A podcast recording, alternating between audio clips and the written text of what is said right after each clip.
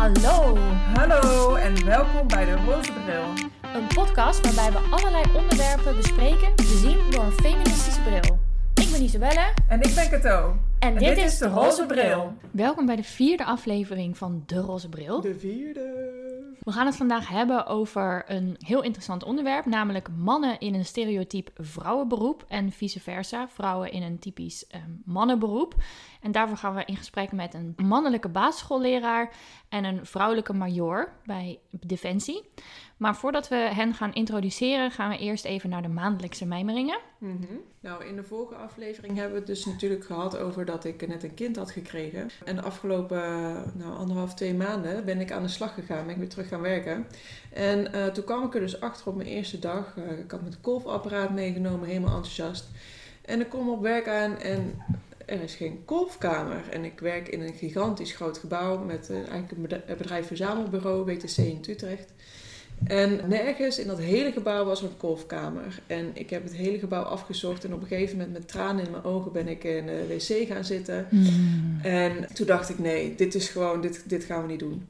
Toen ben ik eh, teruggegaan naar mijn manager. Ik zeg, ja, ik heb geen kolfkamer. Ik mocht bij haar thuis kolven. Eh, uiteindelijk ben ik in de serverruimte terechtgekomen. Wat op zich wel lekker warm was. Maar toen ben ik eens gaan eh, googlen. En het blijkt dat 67% van alle vrouwen die kolven... geen adequate kolfruimte op hun werk hebben. Wow, dat is echt een gigantisch percentage. 67%, super groot. Dus heel veel vrouwen die kolven op de wc, wat echt verschrikkelijk is. En volgens mij ook mega onhygiënisch. Ja, Eh, of in de serverruimte, of gewoon in de in de Een bezemkast. bezemkast. Ja. Of waar hun collega's bij zi- zijn. Dat is ook nog gewoon vrouwen die ja, in de, dat, eh, de kantine dat doen. Dus ik was echt mega verbaasd. En ik heb eh, heel lang heb ik geprobeerd het WTC te bewegen om een kolfkamer te installeren. Dat is helaas niet gelukt. Maar laatst kwam ik iemand tegen van de FNV. Misschien eh, kent onze generatie dat niet meer per se. Maar die komen op voor de rechten van eh, werknemers. En ik vertelde dat haar, deze dame die werkte voor de, de gender unit, van de FNV. En die was ook ja, zeer verbogen. Dus dit is dus schijnbaar ook de reden waarom heel veel vrouwen gewoon stoppen met kolven op werk. Omdat er gewoon niet de faciliteiten zijn. We leven Ja. anno 2021. Zwangere vrouwen maken volop onderdeel of vrouwen met kinderen volop onderdeel van de arbeidsmarkt. En dat dit nog niet goed is geregeld vind ik echt schandalig. Dus eh, een zeer persoonlijke maandelijkse mijmering. Ja, ik had er voordat jij me erover vertelde ook nog nooit van gehoord. Ja. Dus ehm, nou, een aandachtspunt voor alle werkgevers die luisteren. Ehm, mij is iets eh, kleins opgevallen.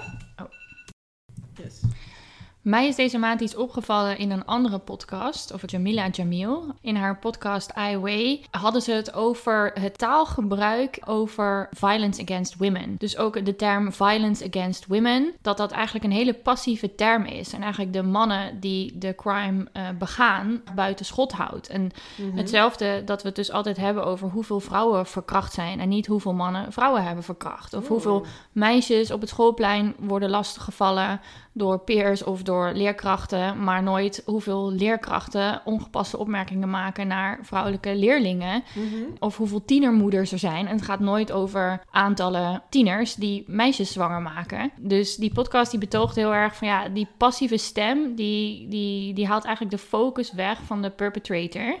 En ja, omdat er dan geen eh, actieve agency is, haal je ook een stukje verantwoordelijkheid weg. En dat had ik geluisterd en sindsdien valt het me elke dag op in het nieuws.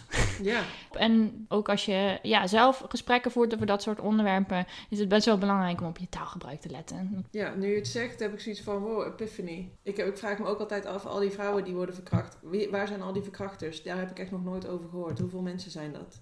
Hoeveel mannen zijn dat? Ja, dat gaat ook, we hadden we vorige keer ook over, over dat eh, als er een hele heftige misdaad is ge- gepleegd, dat het dan heel erg gaat over het leven van de moordenaar en over niemand had het zien aankomen. En Mhm. dit, dit valt een beetje in diezelfde categorie, denk ik. Ja. En we hebben ook nog de feminist van de maand. Die heb ik dit keer meegenomen. En dat is Ellen Laan. Ik, weet niet, ik weet niet of je haar kent, maar Nee. zij is eh, hoogleraar seksuologie.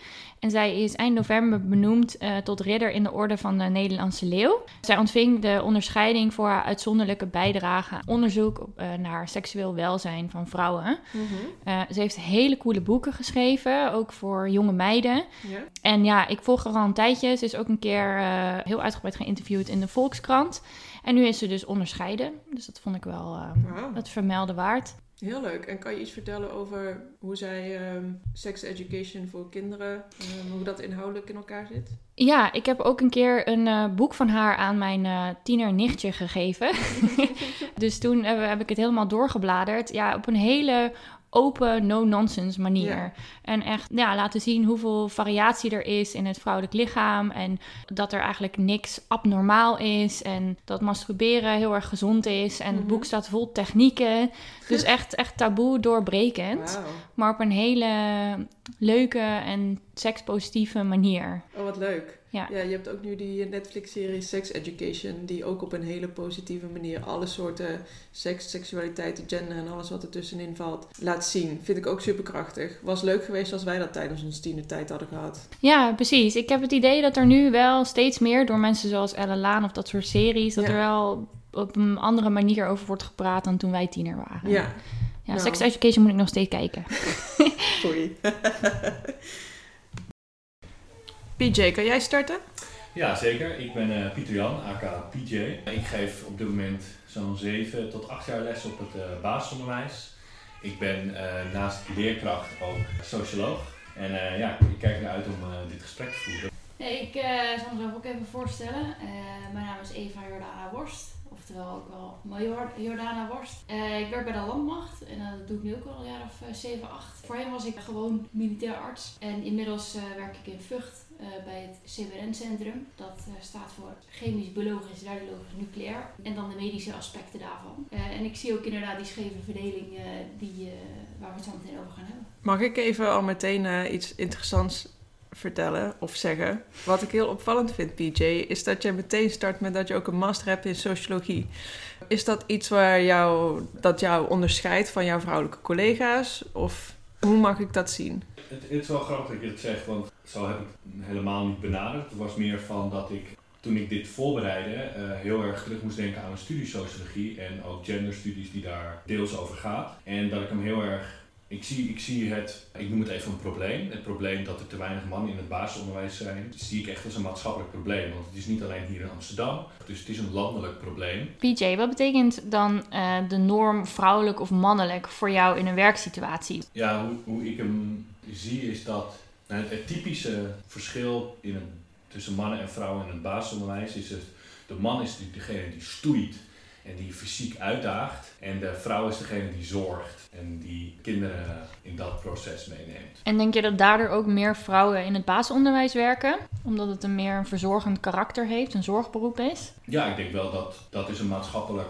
of dat is een eigenschap die de maatschappij heeft gegeven aan de vrouw. En dat past nou eenmaal heel goed bij het basisonderwijs. Dus ja, het is het eerste waar je ook aan denkt, is ervoor zorgen dat die kinderen goed onderwijs doorlopen. Is dat altijd zo geweest? Of was er, is, dat, is dat recent scheef gegroeid tussen mannen en vrouwen? Nou, ik werk op een school die is nu 125 jaar oud. En afgelopen september hebben we dat gevierd. Ten eerste, het onderwijs is de afgelopen 150 jaar eigenlijk niet, niet in essentie veranderd. We zitten nog steeds aan een tafeltje les en de leerkracht geeft nog steeds heel erg frontaal en klassikaal les. Maar ten tweede, vroeger had je altijd de meester. Er waren helemaal geen vrouwen.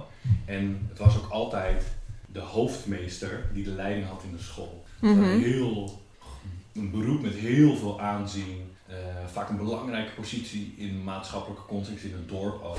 En eh, dat is helemaal, helemaal veranderd. En vooral de afgelopen 40 jaar. Mhm. Ja. En ik, dat, ik heb het even opgezocht. Heeft te maken met een bepaalde wetgeving, denk ik. Rond de jaren 80 is speciaal basisonderwijs. Waarin dus alle kinderen zitten met een, met een veel complexer brein, een complexer probleem dan de reguliere leerling, de gemiddelde leerling. En dat is toen in de jaren 80 werd er een wet opgesteld die ervoor zorgde dat die leerlingen terug naar het reguliere onderwijs moesten. En ik denk dat toen het beroep ook veranderd is. Naar veel meer schuivende van een didacticus naar een opvoeder, opvoedkundige, een Hmm. pedagogische rol. Ja, ook wel interessant dat je het al meteen hebt over dat het vroeger een beroep was met veel aanzien. En dus ook met voornamelijk mannen die in het basisonderwijs uh, werkten. En dat momenteel is dat natuurlijk wel een beetje het probleem in het basisonderwijs. Dat niemand er meer wil, wil werken, omdat het beroep ook heel weinig aanzien meer heeft. Maar laten we ook vooral even naar Eva gaan. Uh, binnen Defensie, als ik aan een militair denk, dan denk ik aan een man. Um, ja, ik ben zelf ook in die zin uh, nog een beetje seksist. Um, maar wat betekent de normen vrouwelijk en mannelijk um, bij Defensie? Nou, bij Defensie is het nog best wel traditioneel. Uh, wat je ook zegt, hè? mensen denken natuurlijk vaak aan mannelijke militairen. Uh, en dat beeld is gewoon lastig te veranderen. Ook al hebben we best wel veel vrouwen en is er meer focus om meer vrouwen te werven bij Defensie, ja, zie je dat er nog altijd verbaasde blikken zijn als mensen denken van, oh, werken er ook vrouwen bij Defensie? Maar, oh en dan is het voor de ondersteunende beroepen nog wel ja, voor te stellen, want Defensie is gewoon een heel groot bedrijf. Dus we hebben ook gewoon koks nodig en geneeskundigen en verpleegkundigen. Maar als het gaat om eh, de infanterie, echt hè, in, de bossen liggen en uh, voorwaarts gaan, dan wordt nog steeds gedacht aan het stereotype man. Uh, dus dat, dat is, je ziet dat die verhoudingen nog heel traditioneel liggen. Defensie is daar wel mee bezig, maar het gaat gewoon erg langzaam. Dus ze hebben wel het streven om naar 30% vrouwen te gaan. Ja. dat hebben ze ook hardop uitgesproken. Want het idee is, hè, de, als je natuurlijk die grens bereikt van 30 vrouwen, dat je dan ook echt, of 30% vrouwen, dat je dan ook echt een cultuurverandering kan krijgen. En niet alleen maar de excuusvrouw. Mm -hmm. je kan zeggen van ja, oké, we hebben een vrouw, maar verder verandert er niks in de omgangsvormen of in de cultuur. En heb je wel eens zelf in je werk gemerkt of last gehad van een minderheidsstatus of van stereotypering? Zeker gezien jij best wel een hoge functie hebt bij Defensie.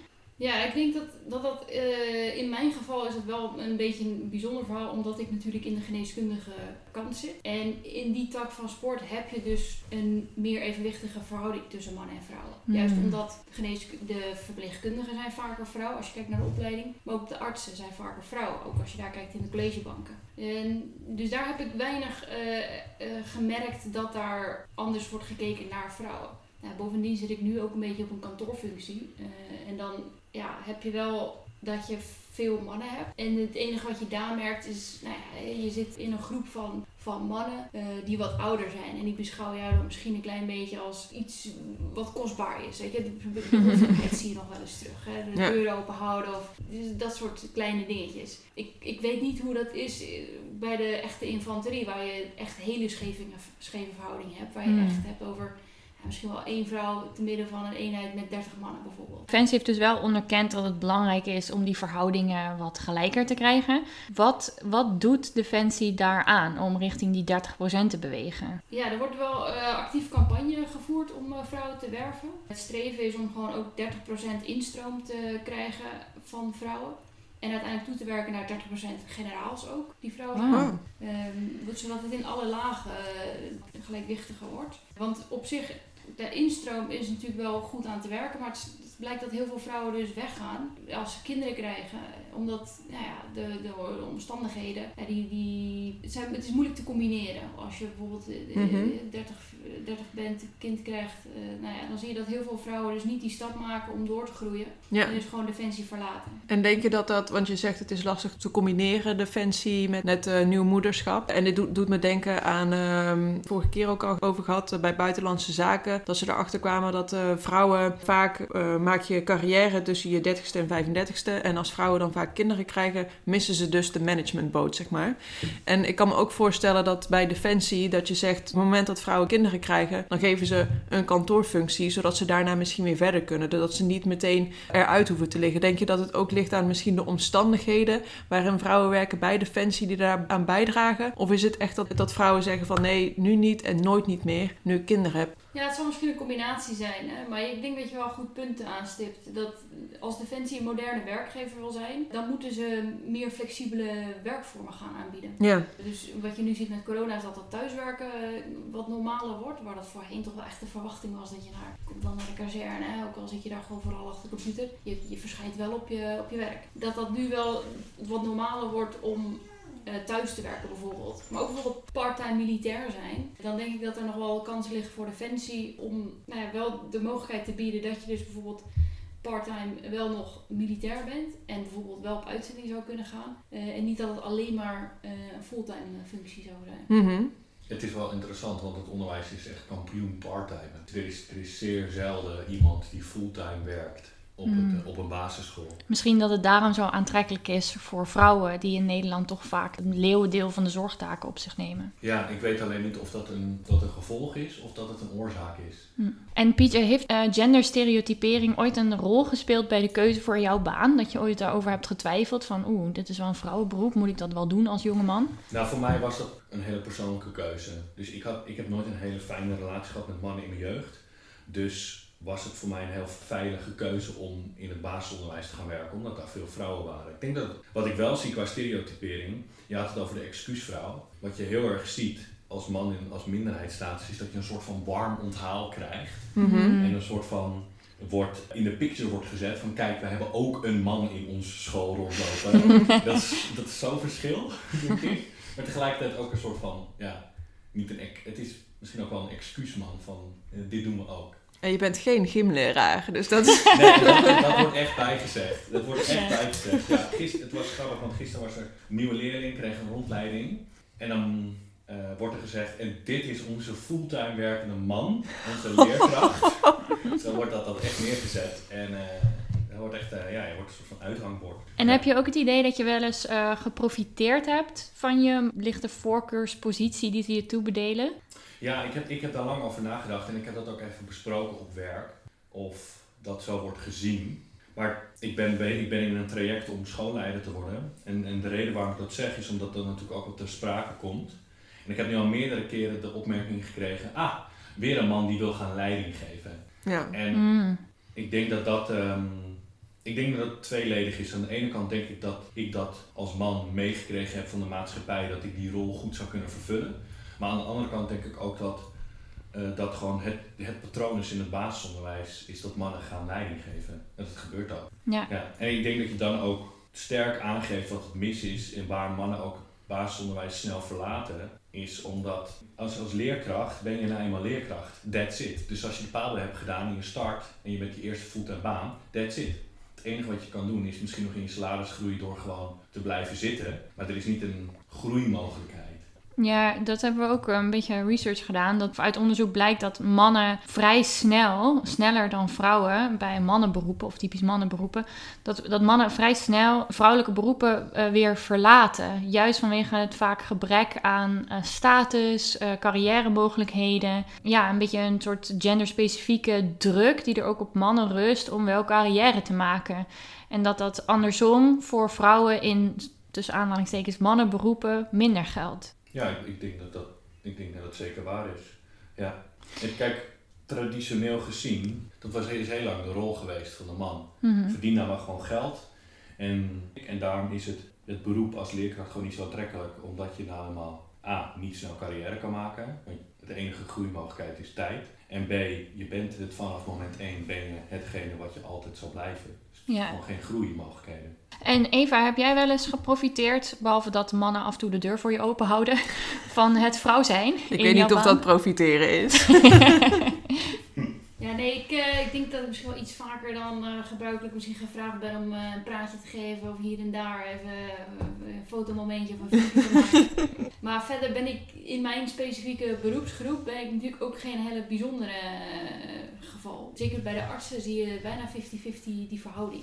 Als ik op oefening ga of wat dan ook, dan zie je vaak wel dat je, dat je opvalt, de dokter. Ja. Mhm.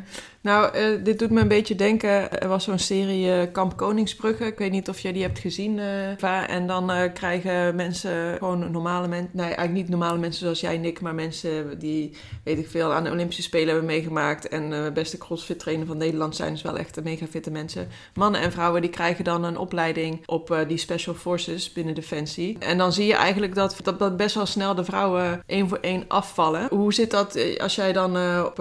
hoe, hoe noem je dat? eh, ja, op uitzending, maar er zo- op oefening gaat. Worden dan de vrouwen ook anders behandeld, fysiek gezien, dan de mannen? Of eh, worden zij verwacht precies hetzelfde te kunnen? Ja, wat betreft de fysieke eisen eh, zijn dat, is dat hetzelfde. Ook de instapeisen en de opleidingen bijvoorbeeld, dan wordt er geen onderscheid gemaakt tussen mannen en vrouwen. Mhm. Dus het gevolg daarvan is dat, dat bij de hele echt de, de meest zware onderdelen van de defensie, ja, zie je minder of geen vrouwen. Want ja, daar is fysiek natuurlijk een hele belangrijke eis. Je moet gewoon meekomen. Maar uiteindelijk is dat natuurlijk maar een heel klein deel van Defensie. Ja. Als het gaat om alle functies bij Defensie, het merendeel is ook niet fysiek Mhm. en veel eisend. Ja. En in dat opzicht denk ik dat je heel duidelijk kan zeggen van ja, waarom is er dan nog in die beroepen verschillen Ja. tussen mannen en vrouwen? Want we doen heel veel met computers en met, met machines. Eh, en dan maakt het dus niet uit dat je als vrouw gemiddeld misschien iets minder eh spierbal hebt dan een man. Voor die hele specifieke eh, groepen zoals het KCT, uh, Korps Commandotroepen, daar zie je ook wel dat, dat er op dit moment nu geen vrouwen zitten. Mhm. Ehm, maar goed, ja, de, de eisen zijn gewoon erg, erg zwaar. Maar dat is nog enigszins wel begrijpelijk, vind ik. Maar goed, als je het hebt over de ICT bijvoorbeeld binnen Defensie, dat zijn ook bijna alleen maar mannen. Ja. Ja, en dat, dat heeft niks te maken met eh de fysieke gesteldheid. Het is eigenlijk heel grappig dat ICT, ICT'er zo'n mannelijk beroep is. Het is ook in het, in het basisonderwijs. Wordt snel de man aangekeken als, oh, maar die weet veel van techniek. Dus dat is vast die ICT'er in de school. dat is echt onzin. En ehm, Maar dat zie je natuurlijk ook in de maatschappij, dat daar het, het beroep ICT'er is vooral een mannenberoep. En daar heb je hele grote tekorten. En de- bij Defensie speelt dat personeelstekort ook een grote rol. Dus dat is ook de reden dat die plekken niet gevuld worden.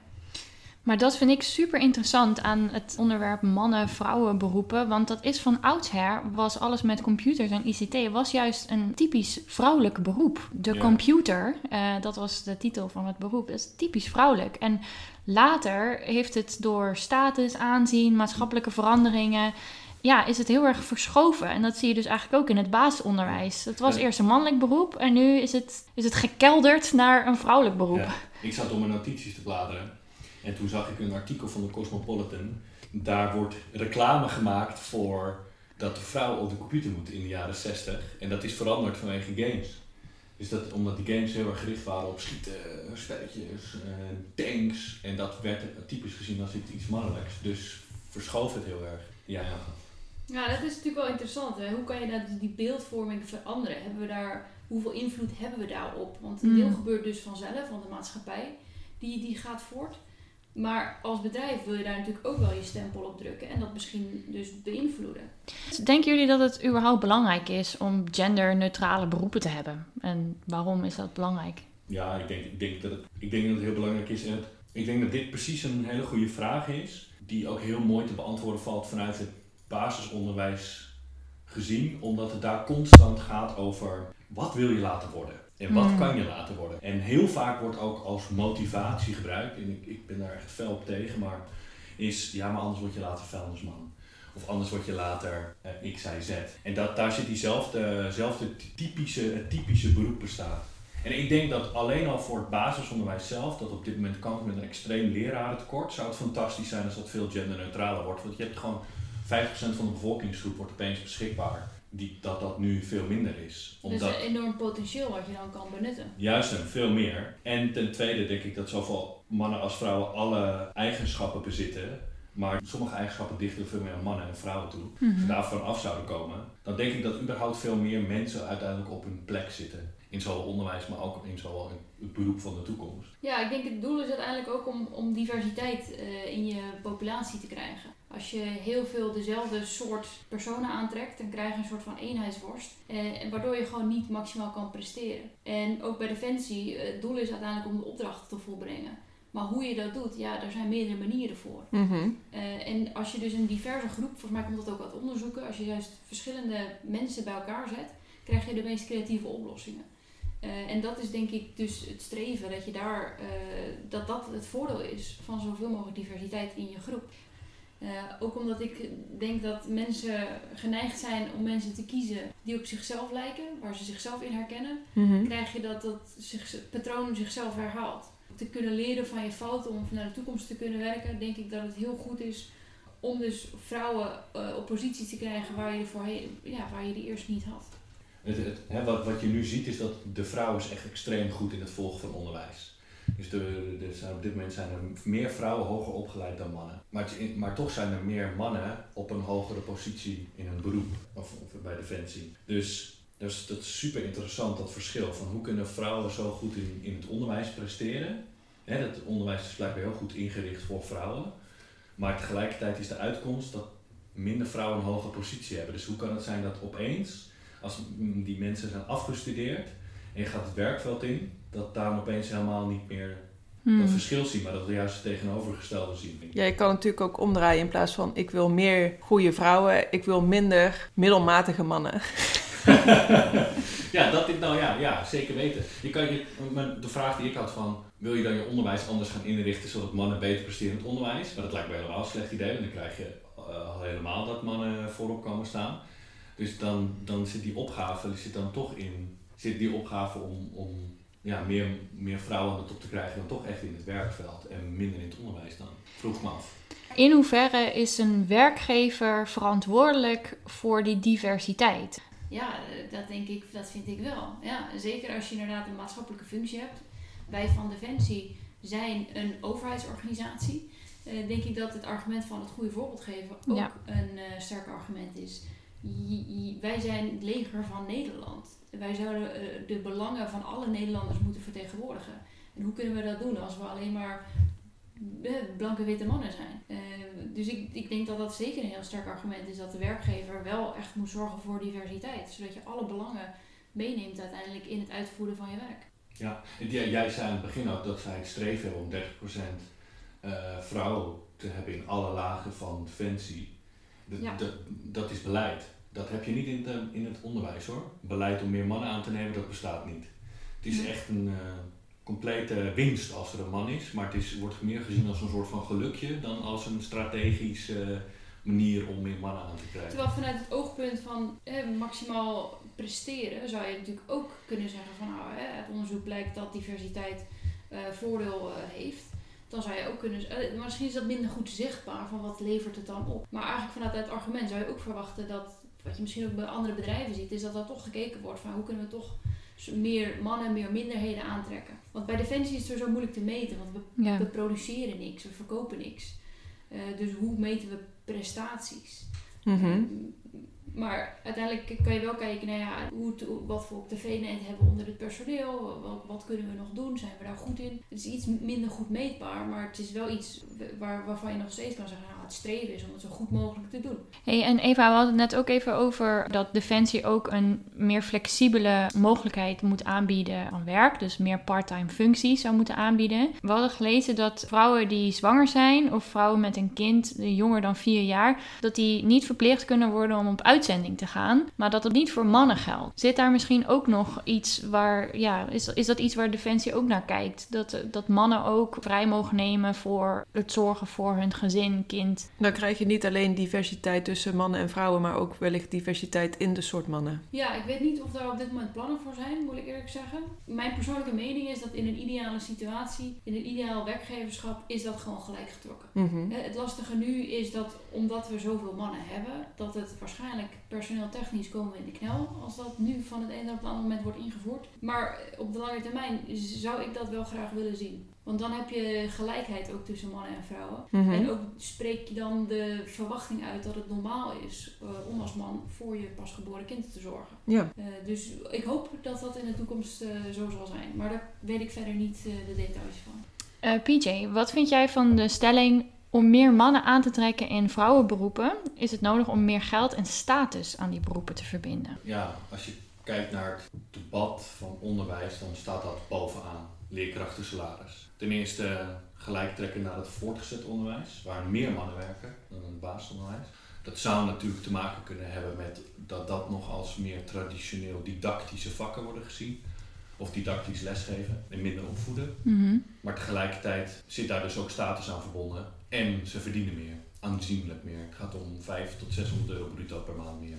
Ja, en schalenindeling. Je hebt maar twee schalen bij ons. Dat zou, ja, dat zou echt helpen, dat denk ik echt. En dan daarop voortbouwend, want eh PJ, jij vertelde dat jij dus een eh, opleiding doet om eh, schooldirecteur te worden. Ja. Eh, hoe zit de verhouding daar in jouw klasje? Zijn dat voornamelijk mannen of zijn dat voornamelijk vrouwen? Wij waren met tien vrouwen en twee mannen. Dus dat was Ja, oh, dat ja.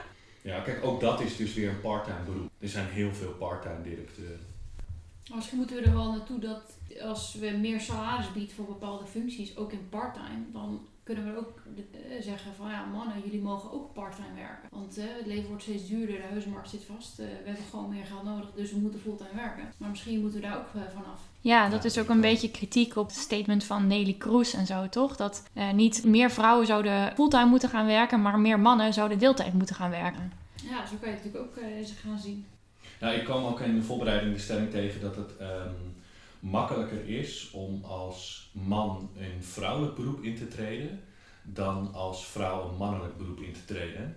Maar denken jullie niet dat het ook te maken heeft met intimidatie van, vrouwen? Wat overal Oh, bij elke werkgever voorkomt. Maar ik denk ehm, dat dat vaker en ernstiger voorkomt in door mannen gedomineerde beroepen. Ja, d- het hangt er misschien ook wel een beetje vanaf waar je dan zit hoor. Ik heb zelf ook wel, wel positieve ervaringen daar juist mee. Dat ik eh, commentaar gekregen heb van oh, wat, wat stoer dat je bij het landmacht werkt. Hè? Terwijl je ik kan me wel voorstellen dat je andersom misschien als man in een vrouwenberoep terechtkomt. En dat ze, eh, dat ze dan toch vanuit gaan van oh, nou, wilde je niet meer bereiken. Bijvoorbeeld, oh, ben je geparkeerd met al die kwebbelende vrouwen. eh, oh, hoe gaat het met je carrière dan? Dat je dat soort Ja. opmerkingen ook kan krijgen. Eh, dus ik weet ook niet precies waar dat aan ligt. Maar gelukkig eh, heb ik me altijd wel aangemoedigd Ja. gevoeld om juist in een mannenberoep te, te werken. Ik denk ook wel dat het een softere landing is in het basisonderwijs als man te werken. En je wordt onthaald van yes, we hebben een man. Hmm. En daar is het meer van, oh, wat, dat je dat durft. En Eva, ik heb nog wel eentje voor jou. Gelijke behandeling tussen mannen en vrouwen op de werkvloer staat voorop. Daar hebben we het nu over. Maar wat vind je dan van aparte kleedkamers, douches, dat fysieke aspect ook? Ja, dat werkt vaak ook wel in mijn voordeel. Kan ik een eh, kamer delen met bijvoorbeeld een ene enkele vrouw of ik krijg een privékamer, omdat er, ja, want dat, er zijn gewoon vooral mannen onze oefening.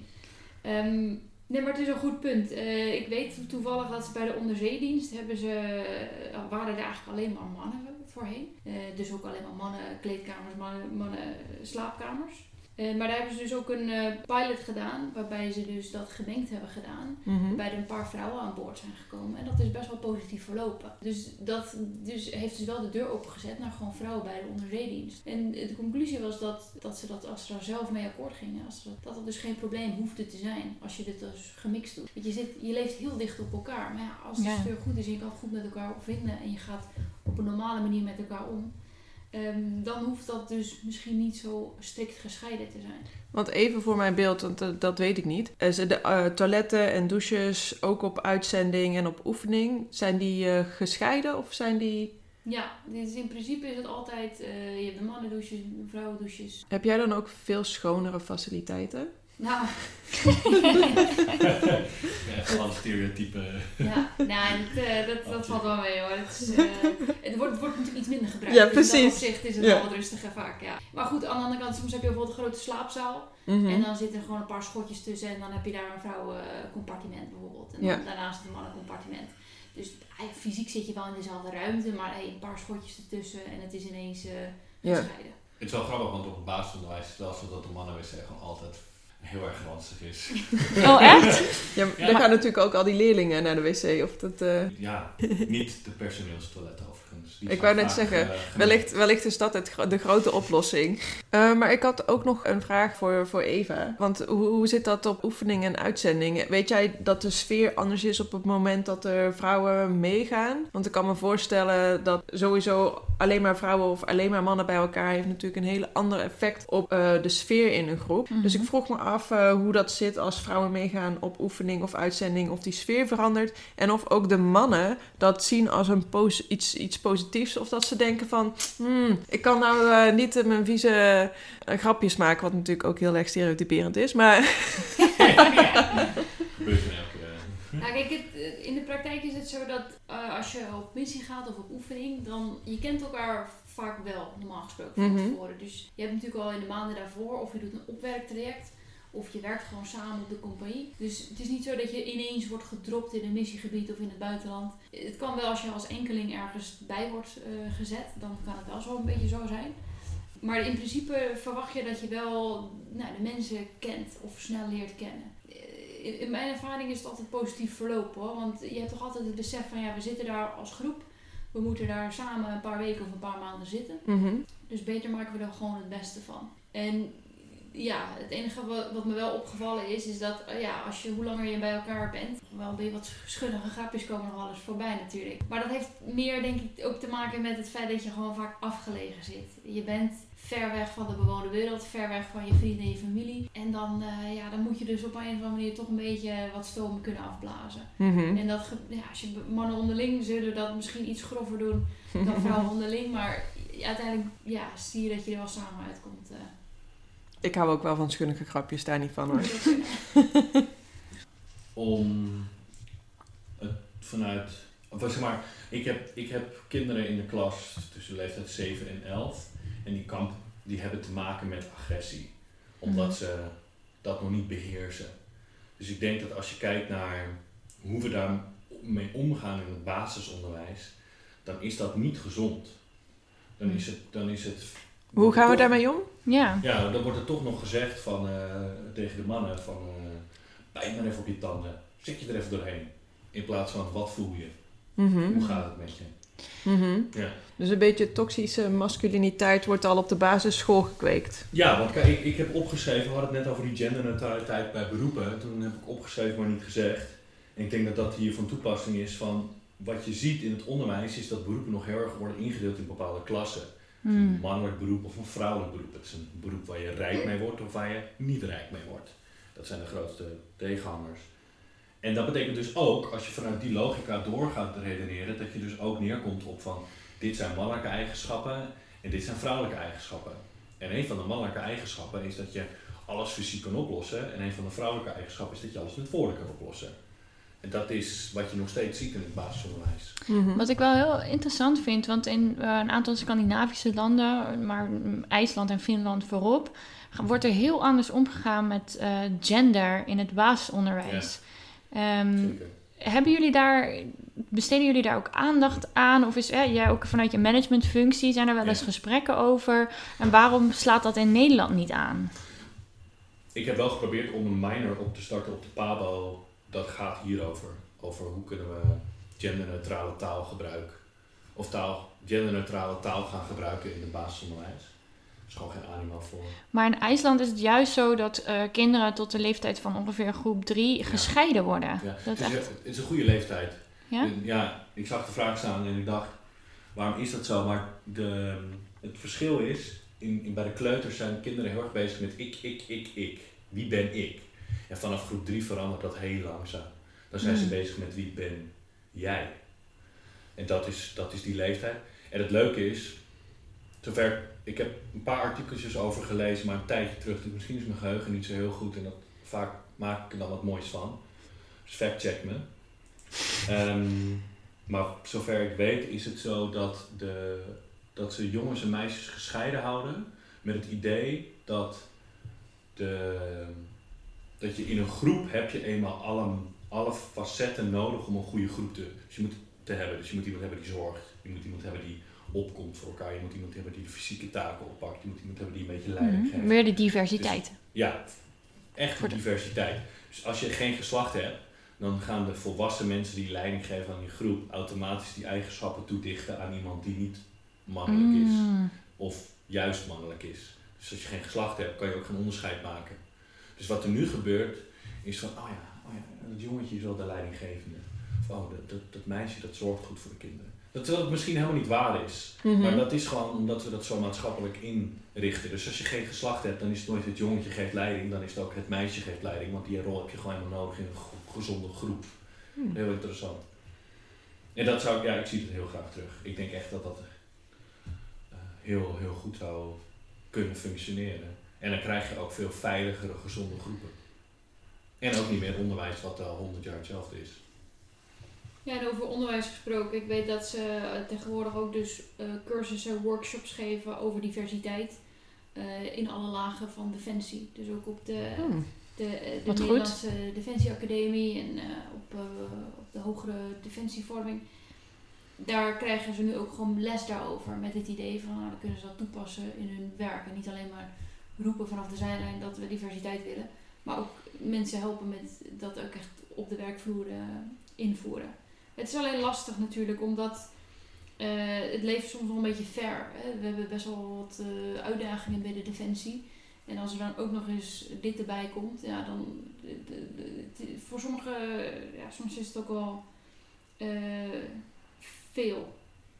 En bijvoorbeeld vanuit de NATO weet ik dat ze eh, ook de voorkeur hebben om ook zo genderneutraal mogelijk te schrijven, bijvoorbeeld. Ehm, maar dat, dus het zijn wel dingen die, eh, de kleine dingetjes die je dan merkt. Ik heb het idee dat we best wel door de vragen en stellingen heen zijn, toch? Ja, ik, eh, ja, ik zat net ook al een beetje te kijken. Zijn er dingen die eh, jullie nog eens opgevallen, mm, die jullie willen meegeven, die we niet hebben behandeld? Nou ja, als het gaat om eh, het beeld van Defensie dat dat vooral mannen zijn, dan wil ik dat bij deze nog even herhalen dat er dus zeker eh, vrouwen welkom zijn bij Defensie. En dat we daar in de toekomst zeker veel aandacht wel aan willen besteden. Dus wees welkom, ook als je geïnteresseerd bent in Defensie. Weet dat dat kan. Nog een korte vraag, daarop aanhakend. Eva, hoe zou jouw leven persoonlijk veranderen als er veel meer vrouwen bij Defensie zouden zitten? Eh, ja, eh, kijk, op dit moment werk ik niet met mensen die eh, in mijn leeftijdscategorie vallen of in Mhm. mijn gender vallen. Dus in dat opzicht zou het zeker welkom zijn om meer vrouwen binnen op de werkvloer te zien. Ja, dus gewoon een iets gezelligere werkplek. Nou, Daar komt het op neer. Eva, PJ, heel erg bedankt voor dit gesprek. Ja. Wij vonden het echt eh, heel erg leuk. Dankjewel. Ja, nee, eh, hetzelfde. Ik vond het ook erg eh, leuk om een keer hierover te praten. Ja, dankjewel.